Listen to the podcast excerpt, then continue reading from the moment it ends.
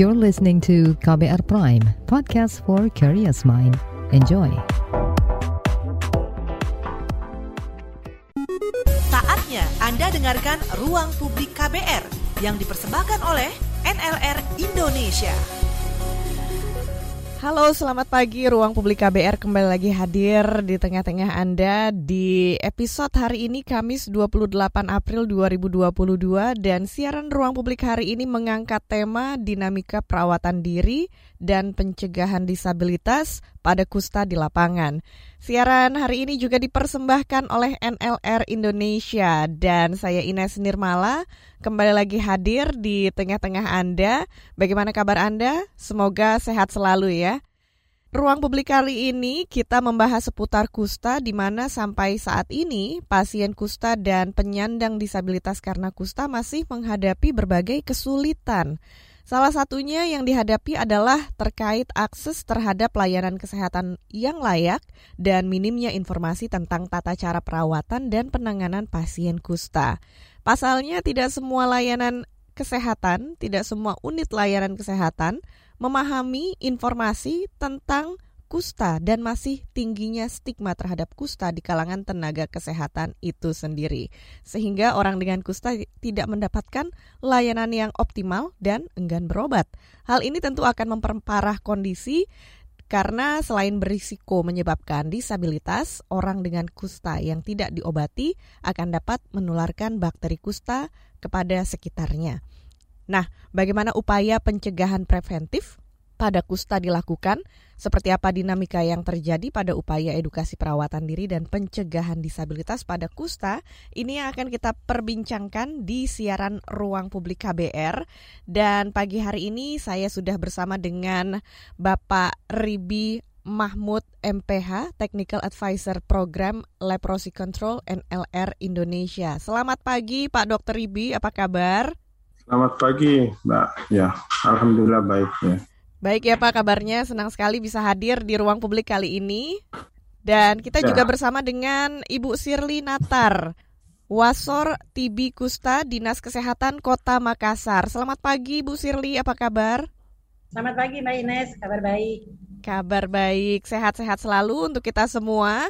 Sekarang kita langsung saja berbincang-bincang dengan narasumber kita Dr. Ribi dan Ibu Sirli.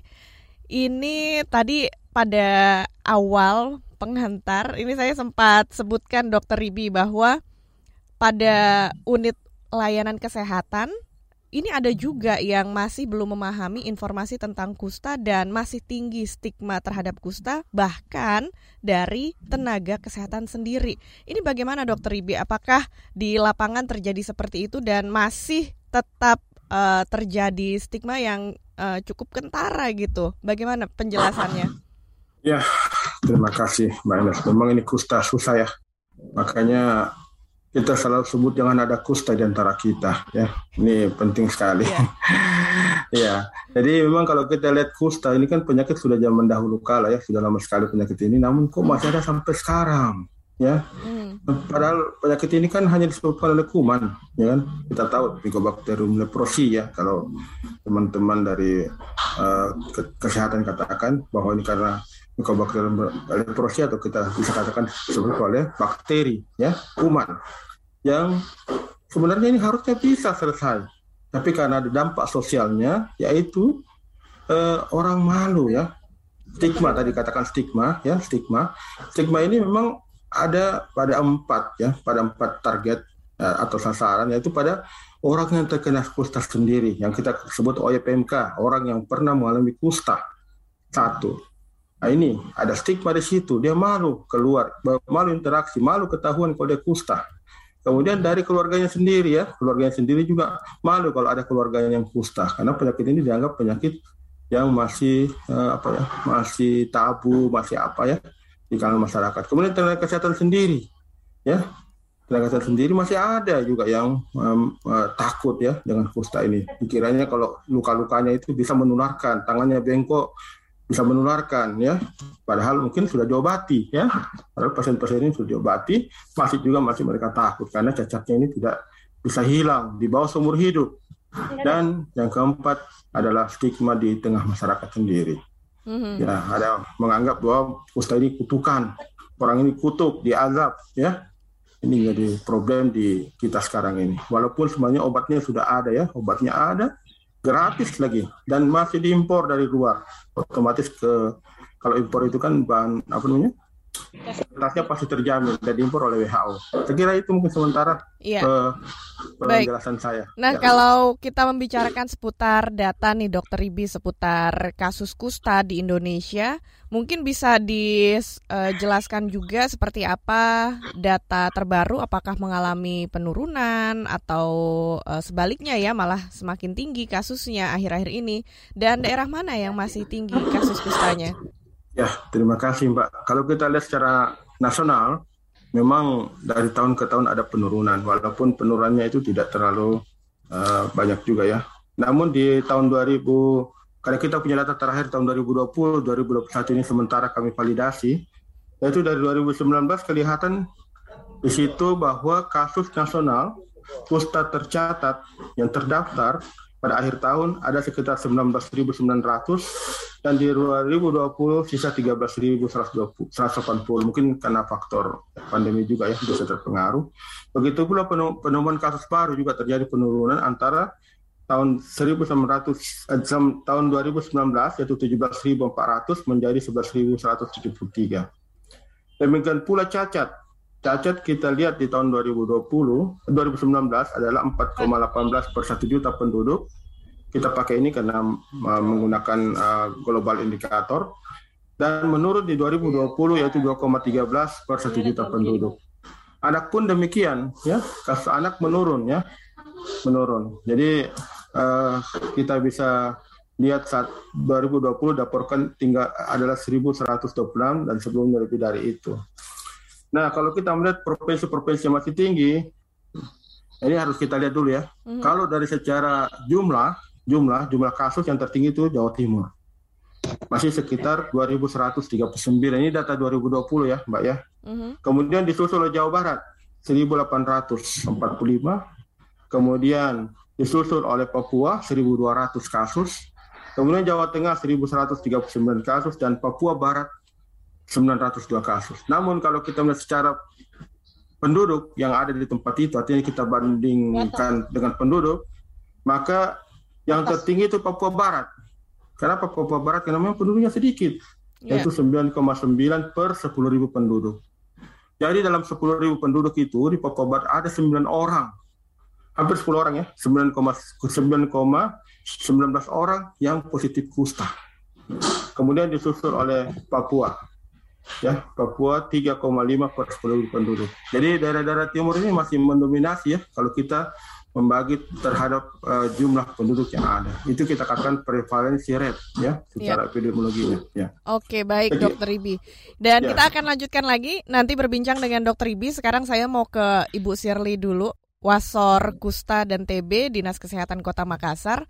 Nah, Bu Sirli, ini uh, mungkin ya tadi seperti pada awal saya bicara dengan Dokter Ribi terhadap pasien kusta ini masih ada diskriminasi atau stigma bahkan dari tenaga kesehatan itu sendiri sehingga orang-orang ini enggan untuk berobat dan tidak mendapatkan layanan kesehatan yang optimal. Nah, bagaimana kondisinya kalau di uh, Makassar sendiri nih sebagai wasor kusta apa yang dilakukan dengan rekan-rekan sejauh ini? Ya, uh, baik Mbak Ines. Kalau selama ini yang kami lakukan di Kota Makassar, ketika ada kasus uh, ditemukan oleh uh, petugas kesehatan atau di, dok, di dokter praktek atau klinik, sudah terjalin kerjasama kami uh, dengan mereka.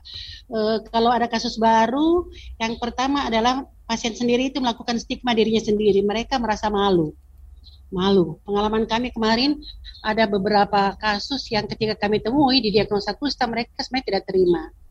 Tetapi pendampingan dari keluarga, eh, pendampingan dari petugas kesehatan sendiri dan kami sebagai penanggung jawab melakukan edukasi, melakukan motivasi kepada pasien agar dapat uh, memberikan penjelasan ke mereka bahwa penyakit ini sebenarnya bukan penyakit kutukan. Yeah. Penyakit ini bukan penyakit karena uh, ada orang iri sama kita atau apa pun. Jadi kami berikan uh, uh, dukungan kepada mereka bahwa mungkin pernah kontak dengan penderita lama, kemudian pada saat ini uh, baru bisa kelihatan uh, bercaknya keluar dan bisa uh, terdeteksi.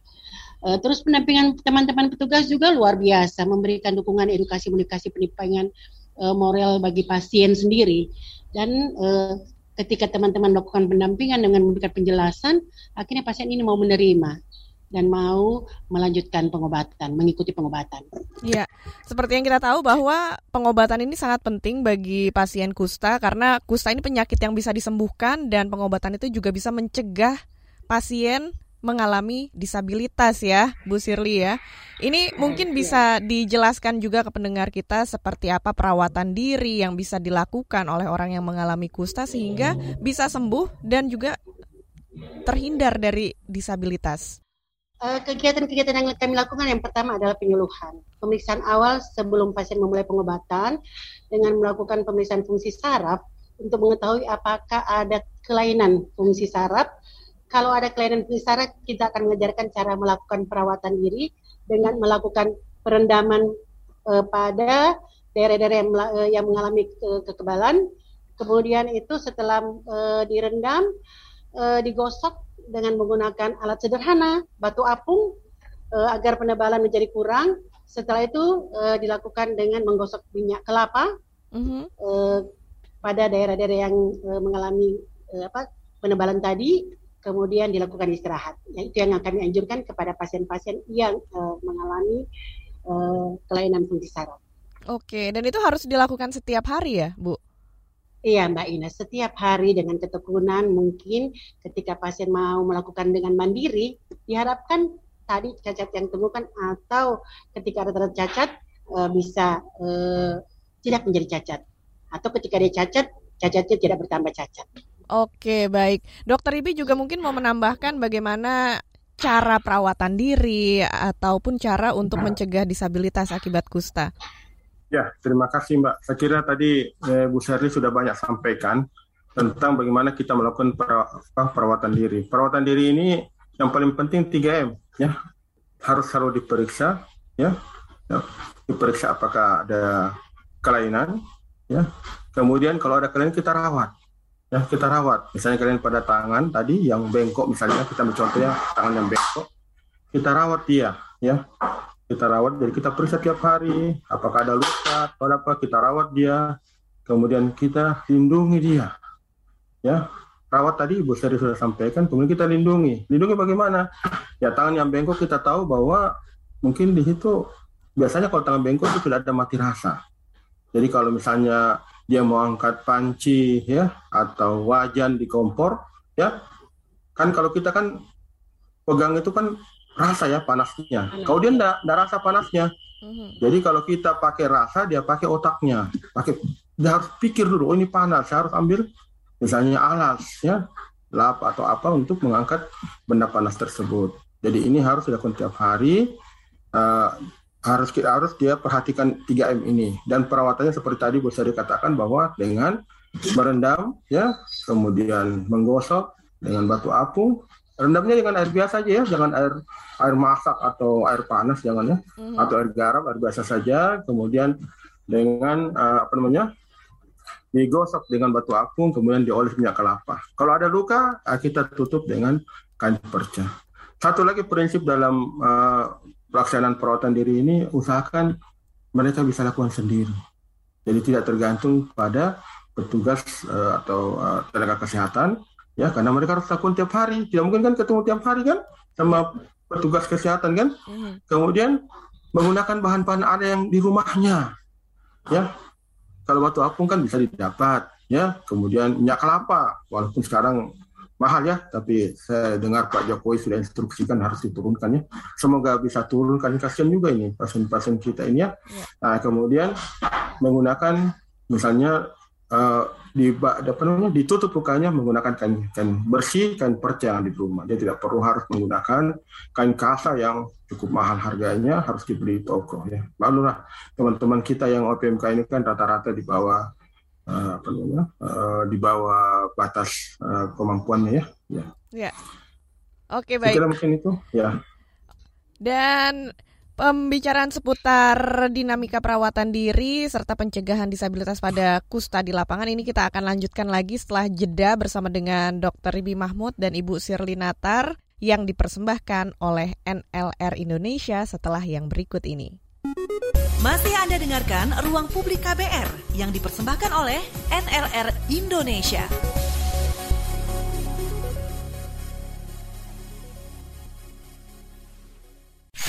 Commercial break. Commercial break.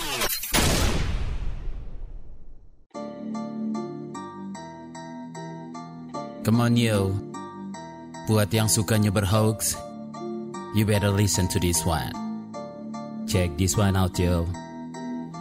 Hati-hati kalau baca kabar Hoax.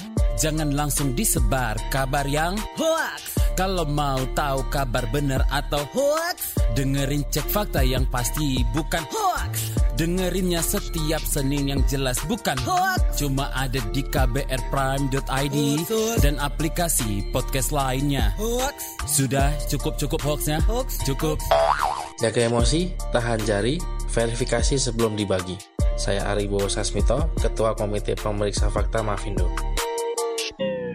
KBR Prime, podcast for curious mind. Masih Anda dengarkan Ruang Publik KBR yang dipersembahkan oleh NLR Indonesia. Kita masih di siaran Ruang Publik KBR bersama dengan Dr. Ribi Mahmud, MPH, Technical Advisor Program Leprosy Control NLR Indonesia dan juga Ibu Sirli Natar Eskep, Wasor TB Kusta Dinas Kesehatan Kota Makassar. Yang kita bahas pagi hari ini adalah seputar dinamika perawatan diri dan pencegahan disabilitas pada kusta.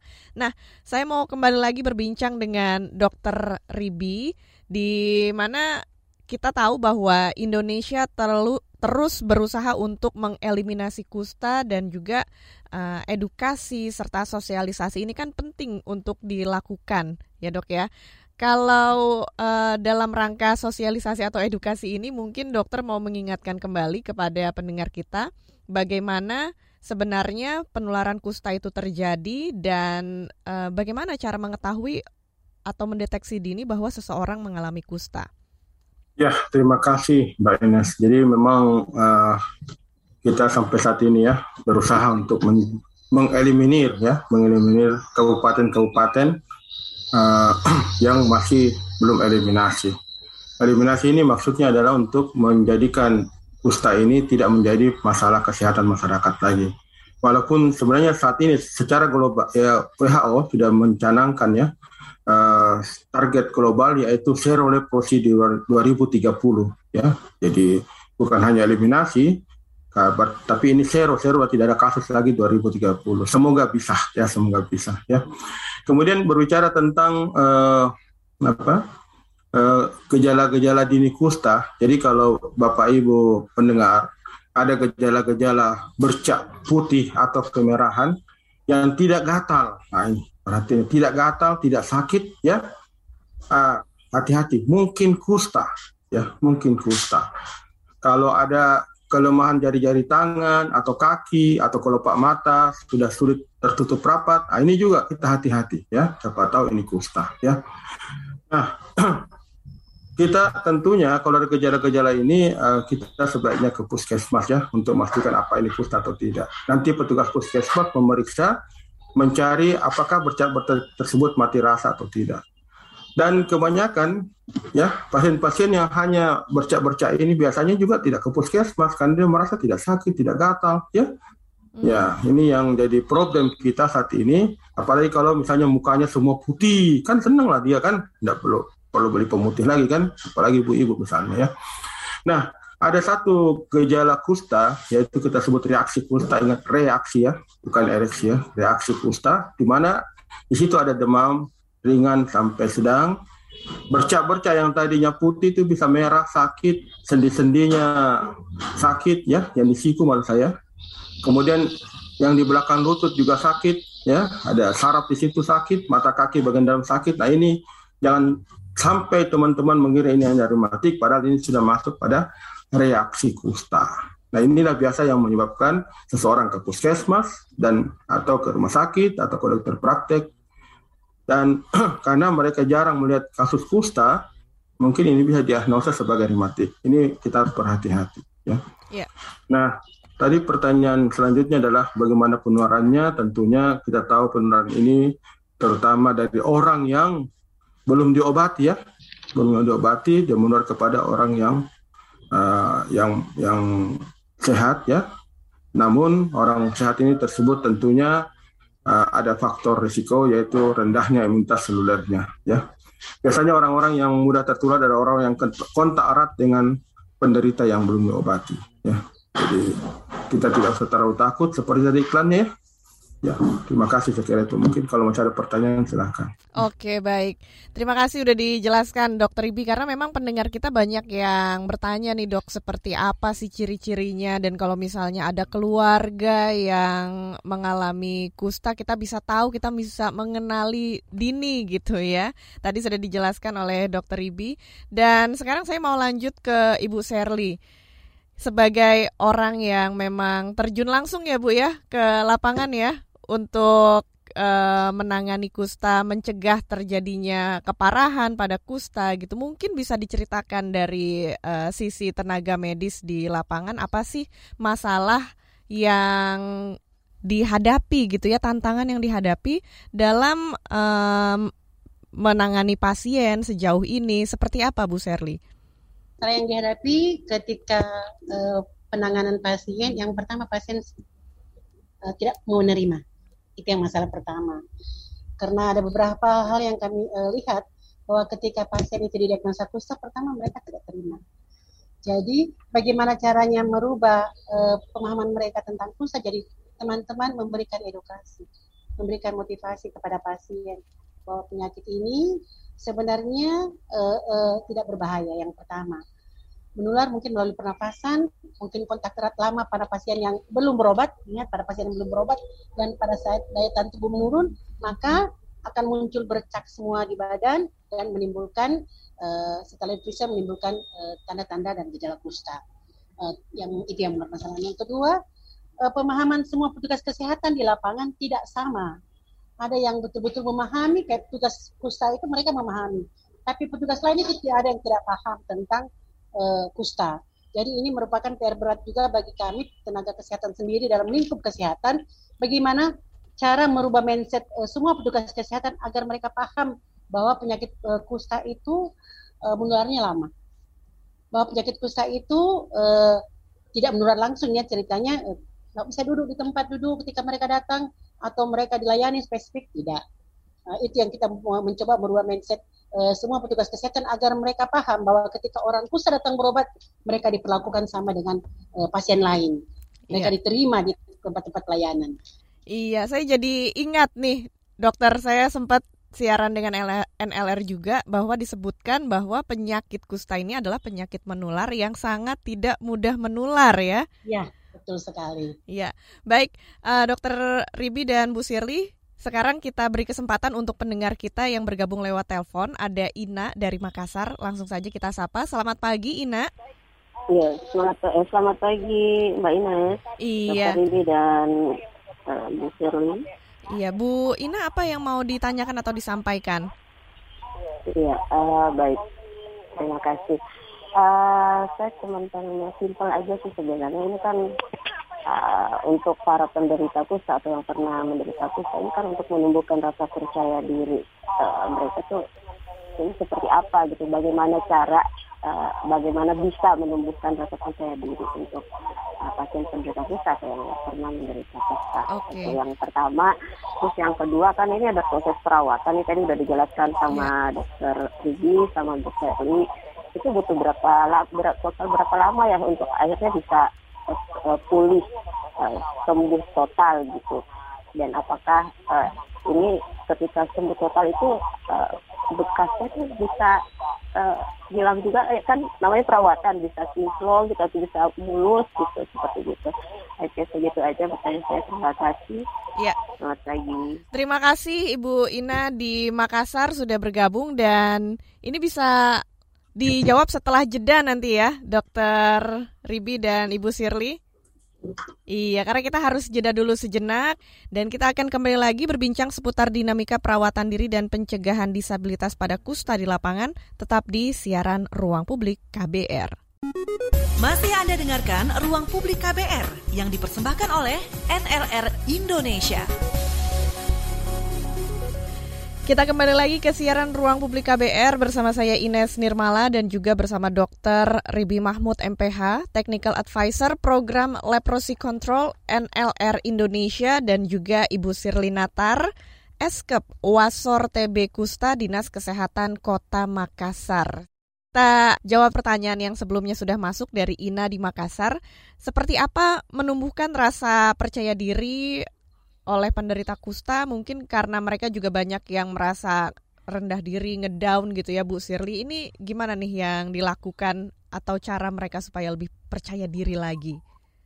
Uh, kalau kami di Kota Makassar, teman-teman yang pertama OYPMK ya, OYPMK itu kami uh, libatkan dalam beberapa kegiatan-kegiatan agar mereka dapat uh, apa ya, kami melihat apa kemampuan mereka sebenarnya jadi selama ini uh, untuk teman-teman yang uh, dengan mengalami kecacatan itu sudah kerjasama dengan lintas-lintas OPD lainnya. Jadi mereka diberikan keterampilan-keterampilan agar mereka mampu untuk mengembangkan keterampilan tersebut menjadi alat dan bahan.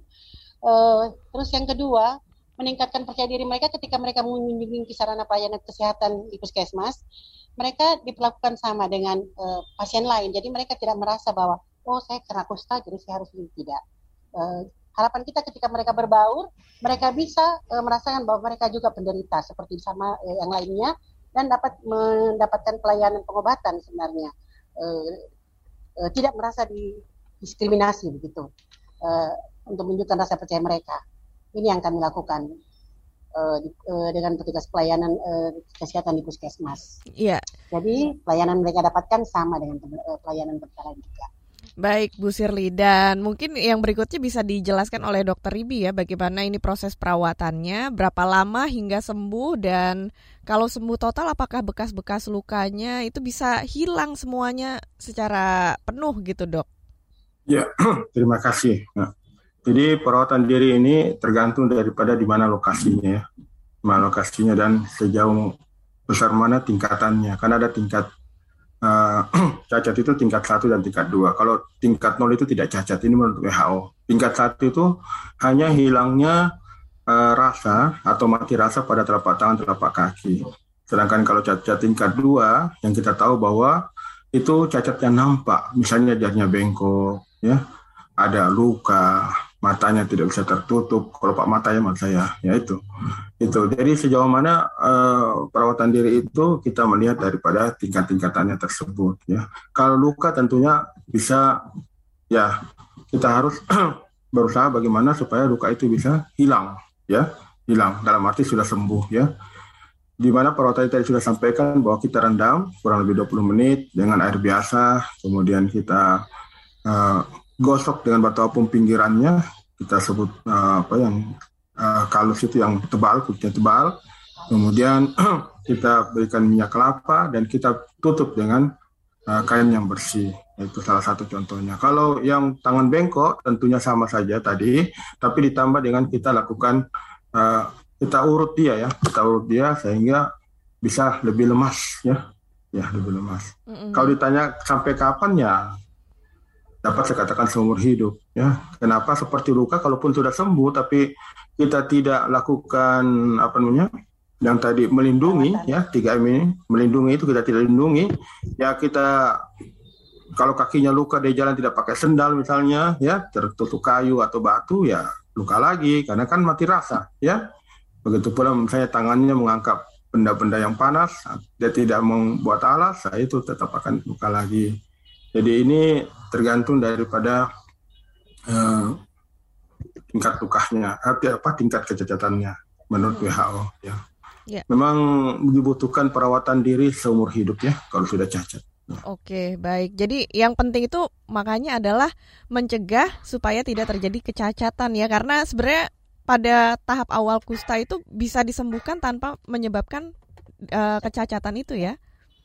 Ya, jadi kita harapkan memang uh, pasien-pasien tersebut ditemukan secara dini. Ya, ini dini ya masih secara cepat ya, sehingga kita temukan dia sebelum cacat. Ya, sehingga uh, bisa diobati dan selama pengobatan dilakukan pemeriksaan fungsi saraf tadi Ibu Serisa sampaikan untuk mengetahui apakah ada tanda-tanda menuju ke arah kecacatan. Ya. Begitu pula harus diingat bahwa walaupun sudah selesai minum obat, pasien-pasien kusta ini punya risiko masih tetap cacat. Mm-hmm. Jangan di, di ini kok habis sudah selesai minum obat 12 bulan ini dok kok tangan saya jadi bengkok. Iya bisa. Kenapa? Karena kembali lagi reaksi bisa terjadi sebelum pengobatan. Makanya biasa datang sudah cacat ya kalau telat. Selama pengobatan kalau tidak dipantau dengan baik oleh petugas, malas berobat, drop out, dan setelah pengobatan kalau tidak pernah kontak lagi dengan petugas. Makanya setelah pengobatan pun diharapkan tiap tiga bulan tetap melakukan kontak dengan petugas kusta minimal dua tahun maksimal lima tahun. Karena itu masih ada risiko untuk terjadi cacat. Ini yang kadang-kadang pasien-pasien kita tidak paham bahwa sudah selesai pengobatan sudah selesai tidak ada urusan lagi dengan orang-orang kesehatan itu. Padahal salah besar ya saya ya. kira mungkin itu. Ya. Jadi setelah pengobatan pun harus rutin datang menemui tenaga kesehatan ya? iya, ya? Betul. Iya, minimal tiga bulan sekali untuk diperiksa fungsi sarafnya. Iya, Siapa Bu. tahu ada ada gejala reaksi di situ. Terima iya, kasih. Iya. Baik Pak. Bu Sirli mungkin mau menambahkan sedikit? Uh, tentang pemantauan uh, cacat memang sebenarnya diharapkan kerja uh, petugas sebenarnya untuk memantau. Jadi tugas petugas itu memang betul-betul ketika pasien datang ke puskesmas mengambil obat setiap bulannya harusnya eh, petugas dengan eh, rajin memantau memeriksakan saraf tugas petugas. Jadi sebenarnya eh, harapan kita dengan keaktifan petugas untuk melakukan fungsi saraf mereka eh, angka kecacatan kita bisa berkurang dan pasien ini tidak menjadi cacat setelah mendapatkan pengobatan harapan kita karena ketekunan petugas yang melaksanakan tugasnya dengan baik. Ya, baik. Nah, sekarang kita masuk ke pertanyaan yang lewat chat ya, chat YouTube. Ini ada pertanyaan dari Aisyah Dian. Mohon di scroll Pak Produser. Iya, ini pertanyaan dari Aisyah Dian di balik papan. Dokter, ketika seseorang pasien kusta dinyatakan sudah sembuh total, apakah kelak beberapa tahun kemudian akan bisa kambuh lagi sakit kustanya? Itu tadi sudah sempat disinggung ya dok ya, kalau tidak menemui tenaga kesehatan walaupun uh, sudah minum obat bisa terkena lagi. Tapi kalau sudah sembuh ini apa indikatornya yang menyatakan orang sembuh dan apakah mereka harus kembali lagi ketemu ke tenaga kesehatan. Ya, makasih Mbak. Jadi mm-hmm. kalau kita mau kriteria sembuh untuk di kusta itu, maka orang tersebut dinyatakan sudah selesai minum obat sesuai dengan schedule yang sudah ditetapkan. Misalnya kusta kering yang kita biasa kenal dengan pausi basiler itu enam bulan harus minum obat, ya. Kemudian yang kita kenal dengan kusta basah atau multibasiler itu 12 bulan harus minum obat. Kalau sudah selesai waktunya, kita menyatakan dia sudah selesai pengobatan. Nah, sedangkan yang saya sampaikan tadi itu adalah orang-orang yang masih punya risiko untuk cacat. Bukan berarti dia harus minum obat lagi ya. Ya, itu yang pertama. Kemudian bisakah dia kambuh lagi? Bisa. Bisa. Ya, bisa kambuh. Mungkin tertular dari orang lain misalnya, ya. ya. Oke. Atau mungkin dari tubuhnya sendiri ada kuman-kuman yang sudah kebal dengan obat itu bisa muncul kembali walaupun dia sebenarnya sudah sudah tidur tetapi pada saat beberapa tahun kemudian bisa dia bangun, bangun lagi dia bisa uh, membentuk apa bisa terjadi kita yang kita katakan relaps ya mm-hmm. kambuh ya Baik, dan sekarang juga sudah ada pendengar kita berikutnya yang bergabung lewat telepon yaitu Pak Hanan di Madiun. Kita angkat langsung teleponnya ya, Bu Sirli dan Dr. Ibi. Selamat pagi Pak Hanan. Terima kasih. Selamat pagi Mbak Ines, uh, Ibu Sirli, dan Dr. Ibi. Mau menanyakan secara umum saja, ada empat poin uh, sederhana saja, sedikit sedikit-sedikit. Yang pertama, uh, dokter, apakah ini masih uh, bagian, kalau tadi lebih banyak di uh, Indonesia Timur, gitu, apakah ini bagian dari salah satu, mohon maaf, penyakit yang istilahnya endemi, seperti uh, malaria kemarin kita memperingati. Nah, yang kedua, uh, ada batasannya nggak dokter uh, dan Ibu Sirli, uh, uh, kapan uh, pasien ini tinggal pengobatan uh, saja atau masih uh, walaupun sudah pengobatan tapi masih menulari begitu yang lain. Uh, kemudian juga apakah uh, uh, uh, penyakit ini dari sisi kita di puskesmas atau di paskes uh, layanan tingkat pertama itu di cover BPJS Kesehatan. Terakhir, barangkali pengalaman Ibu Shirley di lapangan, Bu, boleh tahu faktor dan kendala apa yang masih, eh, walaupun sudah disosialisasikan itu masih membuat banyak eh, beberapa pasien itu terpapar, Ibu, walaupun sudah disosialisasikan. Itu saja dulu. Terima kasih banyak, Dr. Ribi, Ibu Shirley, dan Mbak Ines. Ma Selamat pagi, salam sehat selalu. Salam sehat selalu. Terima kasih Pak Hanan sudah bergabung di Ruang Publik KBR dan kita akan jawab setelah jeda ya, Bu Shirley dan Dr. Ribi.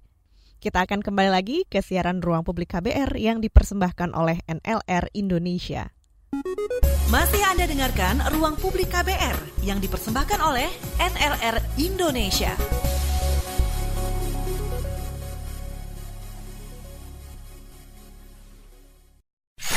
Commercial break.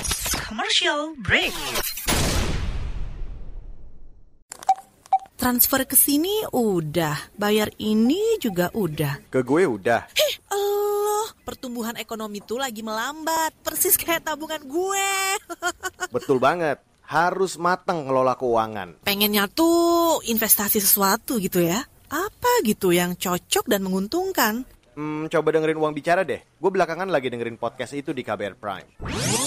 Reksadana yang tadinya 500 juta udah turun dari 250 juta sekarang 10 ribu. Sama kita ngopi mahalan mana? Ketika itu ada keputusan yang kayak begitu investor harus tahu gitu oh ada keputusan ini berarti implikasinya apa? Orang mungkin perluas literasi kamu lewat podcast Uang Bicara Uang Bicara menavigasi kamu dengan menghadirkan bahasan-bahasan seru dan populer mulai dari investasi sampai kebijakan dipersembahkan oleh KBR Prime dan bisa didengarkan di KBR Prime, Spotify, dan platform mendengarkan podcast lainnya. KBR Prime, podcast for curious mind. Masih Anda dengarkan Ruang Publik KBR yang dipersembahkan oleh NLR Indonesia. Kita kembali lagi ke siaran Ruang Publik KBR. Tema yang kita bahas adalah seputar dinamika perawatan diri dan pencegahan disabilitas pada kusta di lapangan bersama saya Ines Nirmala dan juga Dr. Ribi Mahmud MPH, Technical Advisor Program Leprosy Control NLR Indonesia dan juga Ibu Sirlina Tar Eskep, Wasor TB Kusta, Dinas Kesehatan Kota Makassar. Baik, tadi sebelum jeda sudah ada pendengar kita yang bergabung lewat telepon, Pak Hanan dari Madiun. Ini pertanyaannya memang cukup banyak ya. Ada empat pertanyaan, apakah uh, kusta ini masih jadi bagian endemit, terutama di wilayah Indonesia bagian timur. Kemudian adakah batasannya setelah pengobatan? Apakah masih bisa menulari kepada orang lain dan apakah di cover oleh BPJS dan kendala atau faktor apa yang membuat masih ada pasien yang tertular walaupun sudah ada sosialisasinya tentang kusta? Mungkin dari Dokter Ibi dulu mau menjelaskan. Ya, makasih Mbak. Ya, saya kira Pak Hanan ini mungkin seorang epidemiolog ya. Pertanyaannya banyak ya. Kritis berarti ya. Pertanyaannya Ya, saya coba menjawab Pak ya. Semoga Bapak bisa puas ya. Soalnya laki-laki sama laki-laki nih ya. Uh, ya, kita di Kusta Pak ada indikator kita katakan daerah ini masih endemis yaitu kita melihat pada prevalensi rate-nya. Saya kira Pak tahu prevalensi rate, pre prevalensi rate di mana kita melihat kasus-kasus terdaftar pada akhir tahun pada program Kusta itu masih di atas satu per sepuluh ribu penduduk. Ya, jadi kalau daerah itu masih di atas satu satu per sepuluh penduduk masih dikatakan masuk kriteria tersebut. Kemudian kita melihat lagi case detection rate-nya, ya, rate penemuan kasus baru, di mana dia masih di atas 5 per 100 ribu penduduk. Kemudian kita melihat lagi pada angka cacat tingkat duanya, yaitu di atas proporsinya di atas 5 persen dan juga indikator satunya lagi proporsi anak ya proporsi anak itu juga di atas 5%. Kalau anak ini menandakan penularan masih masih cukup tinggi di daerah tersebut ya. Kemudian kalau faktor uh, cacat kita melihat adalah keterlambatan penemuan kasus secara dini. Jadi itu mungkin penjelasannya. Kemudian uh, batasnya penyakit tidak menular lagi. Ya mungkin kalau kita khusus ini tolong jangan pakai patokan ini karena patokan ini nanti orang tidak berobat sampai tuntas ya. Ada dikatakan bahwa dua minggu setelah minum obat dia tidak menular lagi, tetapi ini kan hasil belum tentu sama semua pada semua orang ya. Nah, yang pasti kalau tidak mau menular lagi harus selesai minum obat sampai tuntas. Tuntasnya itu ya, tadi ada yang 6 bulan PB dan MB-nya 12 bulan ya. Kemudian tentang BPJS, karena ini kan penyakit sama Pak dengan penyakit lain ya, di cover BPJS ya. Yang perlu ingat bahwa karena obat kita ini masih bantuan WHO, ya sekali lagi masih diberikan bantuan hibah dari WHO dan masih diimpor dari India itu gratis ya. Free of charge ya. Tidak bayar. Ini paling penting yang kita pahami. Sehingga kalau ada yang jual obat tolong Pak dilaporkan Pak. Dilaporkan ke dinas kesehatan setempat biar ditindaklanjuti hal-hal tersebut ya. Obat ini tidak boleh dijual. Tapi kalau jasanya dokter ya silahkan. Datang ke puskesmas BPJS ya dibayar. Kalau tidak punya BPJS ya bayarlah ya. Biasa begitu kan? Kemudian kendala-kendala penderita masih banyak terpapar ini Bu Serli jagonya ini ya. Iya, mungkin nah, Bu Serli bisa menambahkan nih. Kasih Bu Serli aja lah ya. Iya, nah, baik. Nah. Terima kasih Dokter Ligi. Ya, kendala-kendala yang ada yang kita lihat di lapangan adalah mungkin masih ada penderita. Ini kan ceritanya kontak erat, eh, kontak lama, Pak. Jadi kalau memang pada saat uh, kenapa sampai orang bisa terpapar, mungkin masih ada penderita di sekitar kita yang belum ditemukan yang pertama. Jadi kontaknya melalui pernapasan ya. Jadi kalau umpamanya bilang terkendala sehingga pasien sudah tahu dan kenapa bisa terpapar, kita tidak bisa uh, melarang orang untuk tidak bergaul di mana-mana. Jadi intinya penularan lewat udara, pernafasan. Uh, uh, jadi mungkin pada saat dia terpapar ya kita kembali lagi ke keadaan umumnya. Apakah pada saat itu dulu pernah terpapar, tapi pada saat daya tubuhnya masih bagus sampai tidak menimbulkan gejala-gejala uh, penyakit. Uh, mungkin berapa tahun kemudian baru gejala-gejala ini bisa timbul. Jadi penularannya sudah lama. Uh, kalau uh, kalau kusta, kalau TBC kan langsung pada saat dia terpapar, eh, depan mungkin bisa tetap. Tapi kalau kusta itu penularannya lama, tidak seketika. Pada saat itu dia kontak dengan penderita yang belum mendapatkan pengobatan. Itu barangkali Mbak Ines. Iya, baik. Apa, Dokter Ibi? Ya, saya kira uh, jadi paling penting bahwa kenapa sosialisasi sudah gencar. Iya masih banyak orang yang terpapar. Ya itulah negara kita Indonesia ya. Ya, saya kira kita paham sendiri. Sudah capek dilarang demo, masih banyak juga yang demo. Ya mungkin begitu kira-kira ya. Yeah. Nah, jadi saya kira Pak ini permasalahannya karena uh, apa namanya kuman itu sendiri yang berada pada diri manusia. Ya. Orang yang seperti Ibu Sari sudah sampaikan tidak ada gejala tapi sudah ada kuman. Bisa saja ya. Atau mungkin sudah ada kuman ada gejala tidak sadar dia. Bercaknya putih doang kok. Ya, tidak gatal. Tidak uh, sakit ya, ya. ya. Kalau di muka mungkin kelihatan kalau mbak Ines oh ini putih kok ini. Muka saya kok jadi putih nih. Ada bulat-bulat putih nih. Nah, langsung cepat ke dokter. Tapi kalau tiba di bagian-bagian belakang yang tidak nampak ya Nah, ini kan sulit kita ini, ya. ya. Nah, ini hal-hal yang perlu kita pahami bahwa kusta ini memang ya penyakit yang sudah-sudah gampang ya. ya. Kalau TB, malaria mati Pak Hanan.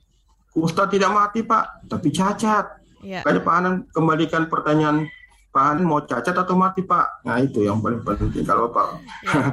care dengan cacat, ya. tolong kita sama-sama dengan jangan ini jadi masalah, masalah urusan tenaga kesehatan saja, tapi masyarakat juga secara umum harus bersama-sama bergandeng tangan, ya.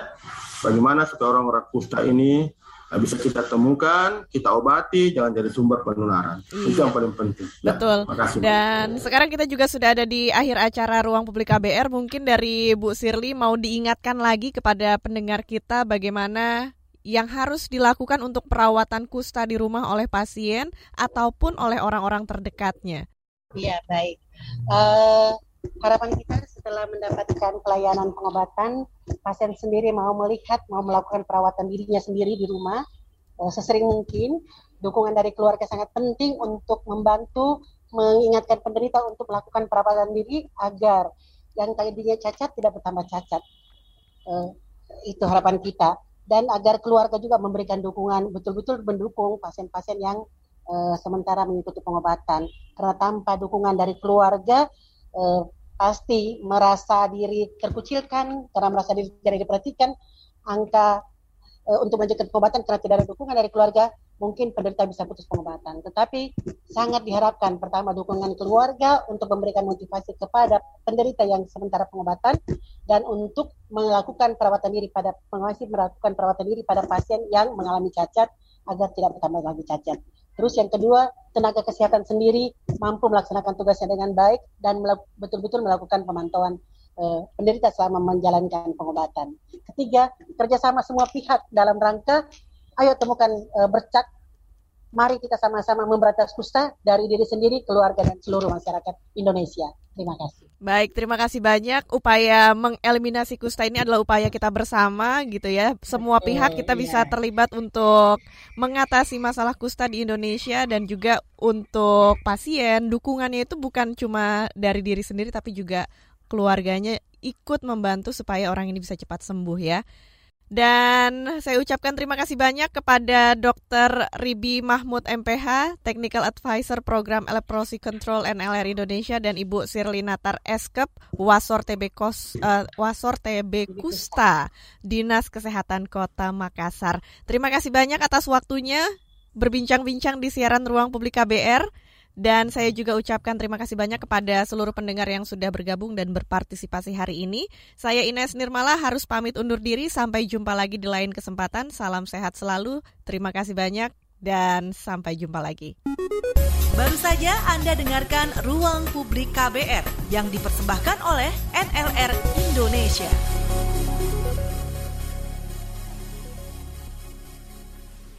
KBR Prime, cara asik mendengar berita. KBR Prime, podcast for curious mind.